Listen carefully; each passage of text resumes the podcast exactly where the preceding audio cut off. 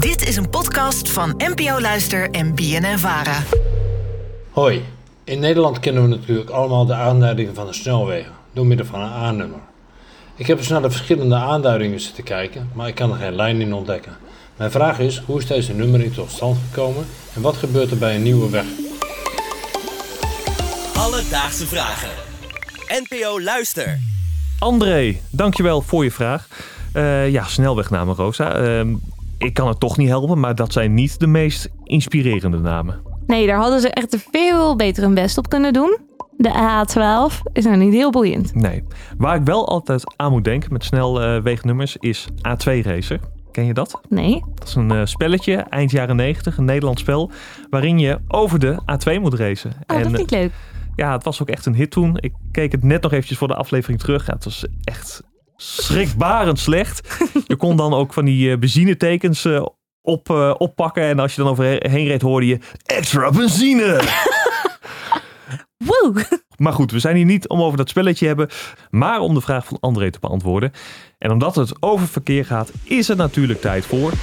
Verkeer en meer met Tom Huiskens. Tom is onze vaste mobiliteitsexpert en weet alles van het verkeer. En had voor ons ook een antwoord op de vraag van André. Nou, De eerste snelwegen in eh, Nederland eh, die werden in de jaren 30 eh, geopend.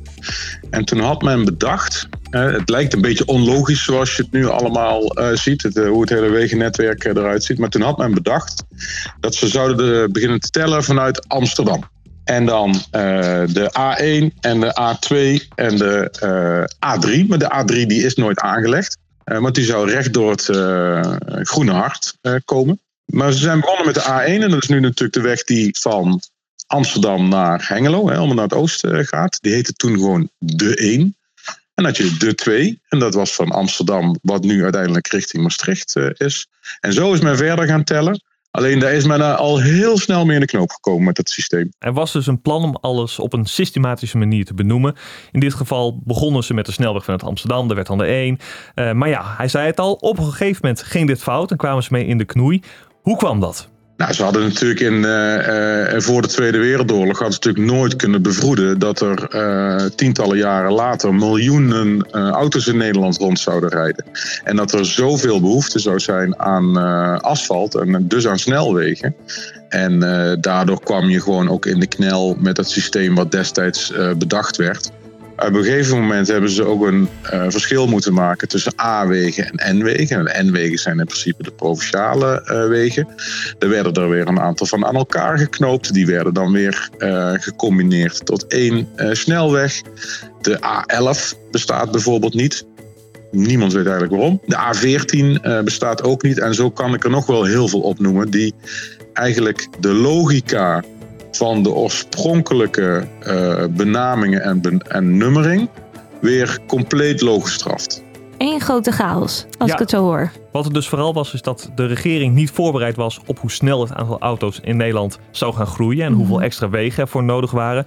Het originele Rijkswegenplan is eigenlijk nooit volledig gerealiseerd. Eh, wel is voor een aantal wegen bepalend geweest voor hoe snelwegen genoemd zijn. Zo zijn nog steeds wegen met een twintigtal, vooral in Zuid-Holland, en dertig en veertigtal in Oost-Nederland.